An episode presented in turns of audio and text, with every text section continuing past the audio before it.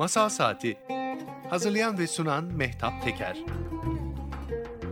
Hayallerin altında ıslanmaya, mutluluğun kalbinize yıldırım gibi düşmesine, düşlerinize çöken bütün sisleri kaldırmaya ve güneşli günlere umutla bakabilmek için dolu dolu masal dinlemeye hazırsanız Mehtap Öğretmen'le Masal Saati başlıyor.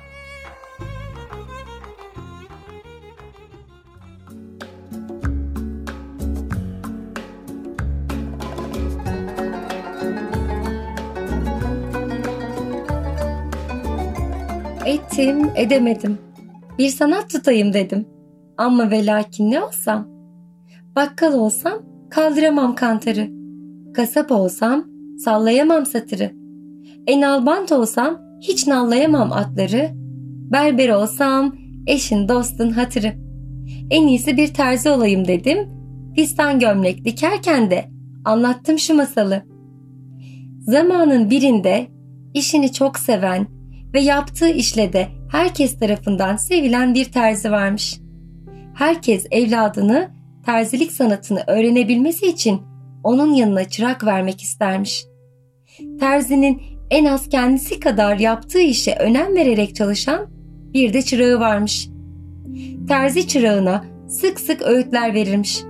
Bak evlat, abanın kadri yağmurda bilinir.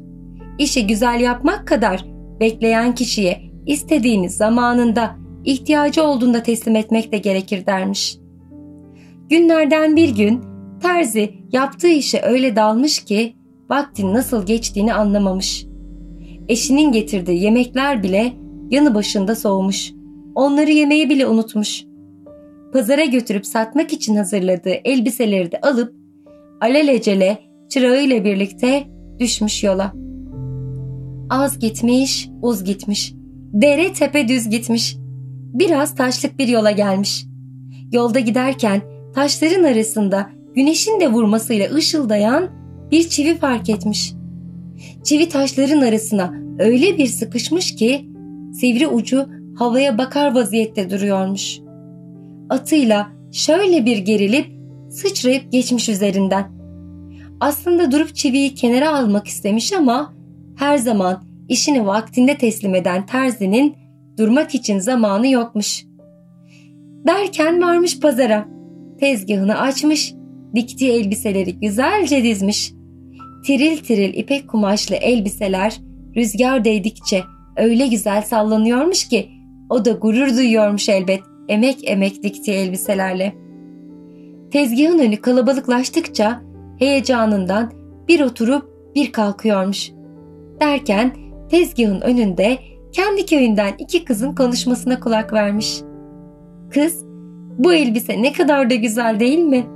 Akşamda düğün var, alıp da orada mı giysem deyince terzi birden hemen yan evlerindeki komşu kızının bu düğünde giymek için dikmesini istediği elbiseyi hatırlamış. Elbiseyi günler öncesinden hazır etmiş ama alelacele evden çıkınca teslim etmeyi unutmuş. Neyse demiş, elbise hazır. Akşama da daha çok var. Ben kendi işlerimi bitireyim. O iş kolay demiş içinden.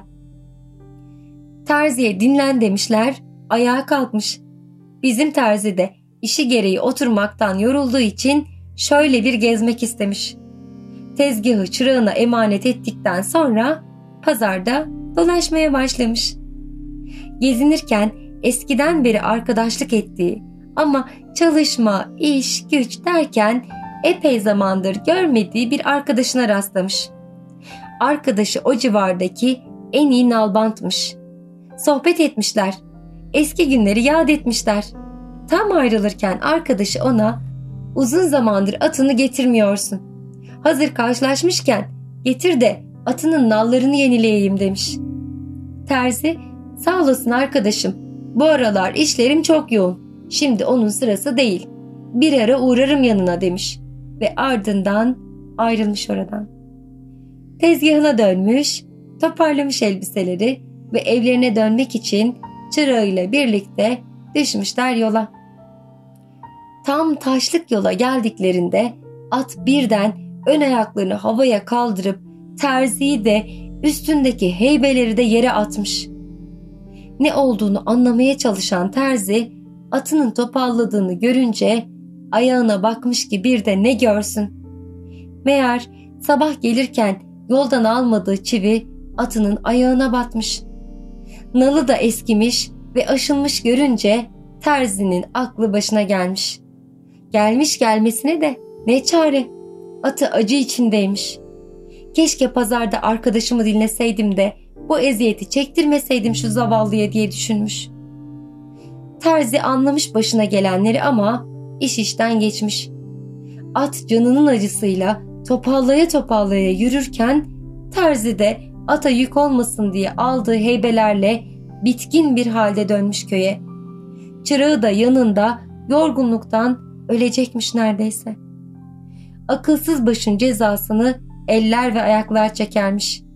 Bizim terzi akılsız değilmiş ama zamanında yapması gerekeni yapmayınca o da atı da çırağı da eziyet çekmiş. İki saatte dönmeleri gereken köye üç saat mi desem beş saat mi bilinmez epey bir zaman sonra varmışlar.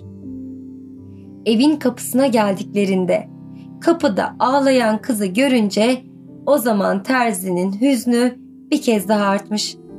Kız tülbentinin kenarıyla gözündeki yaşı sildikten sonra ''Nerede kaldın terzi amca? Bütün gün seni bekledim.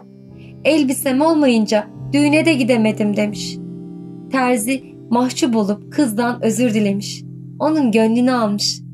Sonra yanındaki çırağa dönmüş ve ''Evlat, benden sana bir nasihat daha.